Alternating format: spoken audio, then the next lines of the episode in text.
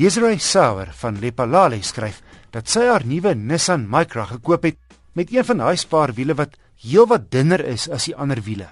Sy vra: "Waarom moet 'n mens 'n afskeepband kry as spaarwiel terwyl jy 149000 rand spandeer het op 'n voertuig?" Haar ander probleem skryf sy: "Toe ons nuwe bande op die motor plaas, het ons 3 weke gewag omdat dit volgens 'n bandehandelaar hier op die dorp nie elke dag bestel word nie en hulle nie dooie voorraad kan aanhou nie. Nou is die vraag, indien ons dringend 'n band nodig het, wat moet ons doen? Nissan Suid-Afrika antwoord dat die spaarwiel slegs 'n wiel vir noodgevalle is en op haar ander navraag dat eienaars eerder by 'n Nissan handelaar bande moet koop.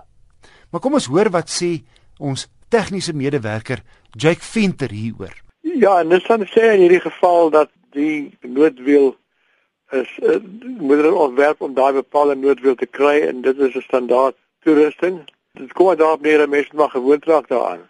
Daar is selfs maatskappye soos Volkswagen en Porsche wat vir sekere modelle nie eens 'n noodwiel gee nie. Jy kry net so 'n spyskannetjie met moetie wat jy moet inspuit as jy 'n papwiel het en dit werk nie altyd nie as jy as jy gaatjie bietjie groter dan werk dit glad nie.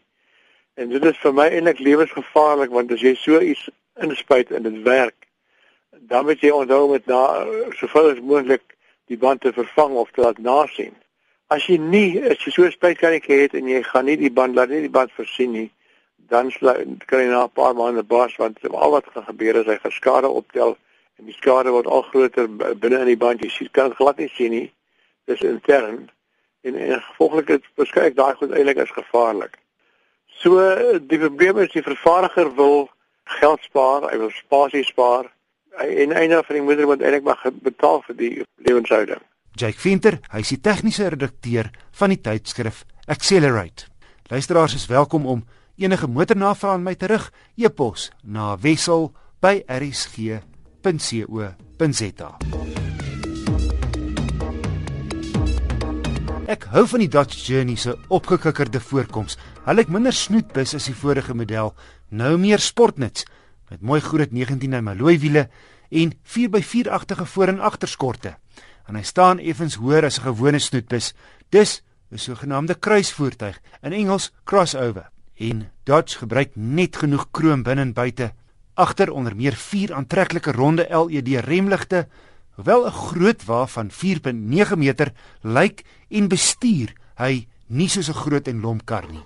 Die duurste model, die RT, teen net meer as 380 000 rand se 3.6 liter V6 dryf die voorwiele aan via 'n 6-spoed outomatiese ratkas. Binnekant het die baie spasie my opgeval. Ons het van Johannesburg af na 'n plaas in die Vrystaat gery. Ses mense, so ons het die 6ste sitplek agter ook gebruik. Die 7de een was platgevou geweest om vir die bagasie plek te maak. Maar wat baie gehelp het is die dakrak bo-op, twee stawe in die lengte en dan twee kruis stawe wat 'n ou kan vorentoe en agtertoe skuif en ons het 'n bagasie sak bo-op gesit wat baie gehelp het. Ons bagasie was net eenvoudig te veel van binnekant.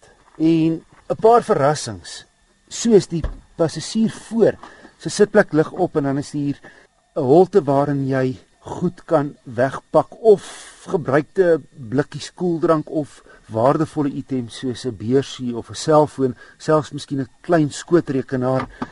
En in die tweede ry is hier in die vloergedeelte twee soortgelyke houers onder die vloerbodem wat uh, kan oop en toeslaan. En dan kan die middelste ry vorentoe en agtertoe skuif 1/3, 2/3s en dan het die middelste ry ook twee sogenaamde booster seats, eh, twee kindersitplekke. Die sitvlak gedeelte skuif hoër op om die uh, kinders te beskerm. Ook heel agter, agter die derde ry sitplekke, is hier 'n bakgedeelte wat oopslaan waarin jy items veilig kan wegpak. Wat nou handig te pas gekom het nadat die kinders geswem het, het ek die nat swemklere hier ingegooi. En dan kan al die sitplekke in verskeie posisies plat geslaan of opgeslaan word. Slaan jy al die sitplekke plat, het jy 'n lang bed van sekere goeie 2 meter plus. Jy kan selfs in hierdie kar slaap as jy wil. En die agterste sydeure maak 90 grade oop wat die in en uitklim vergemaklik. Lieks toegerus met onder meer info en verhitte spieëls, getinte vensters, togbeheer, baie gerieflike verhitbare leersitplekke en 'n omvattende ritrekenaar. Die gee onder meer die banddruk van elke band. En een van die bande het op die trip 'n stadige lek ontwikkel. En toe hy so by 2.2 kilopascal kom, het hier 'n waarskuwingsliggie aangegaan wat ehm um, vir jou sê jy moet aandag gee aan die pad. Die laaste stuk na die plaas toe is grondpad en uh, hy hanteer dit heel goed.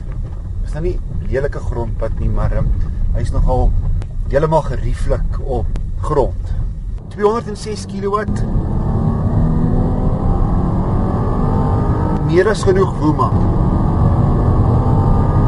Ses ratte teen 120 lê die toere teen 'n rustige net so onder 2000. Die Journey RT is die veelsidigste voertuig wat ek nog bestuur het. Dodge het aan alles gedink om 'n gesin se lewe so gerieflik moontlik te maak. Die luukse model bied teen R384 000 goeie ware vir geld. Net een punt van kritiek wat voornemende kopers kan afskrik. Die 3.6 lê nogal weg aan die petrol. My langpadverbruik was 'n redelike swaar 11.8 liter per 100 km. Bygesê, 'n beter syfer is moontlik. Die bagasie op ons swaar gelaaide kar se dak het die lugweerstand verhoog. Maar in stadsverkeer gaan die syfer nog 'n hele en styg. Waar is die turbo diesel Dodge? Julle het mos oliebranders in die Chrysler groep.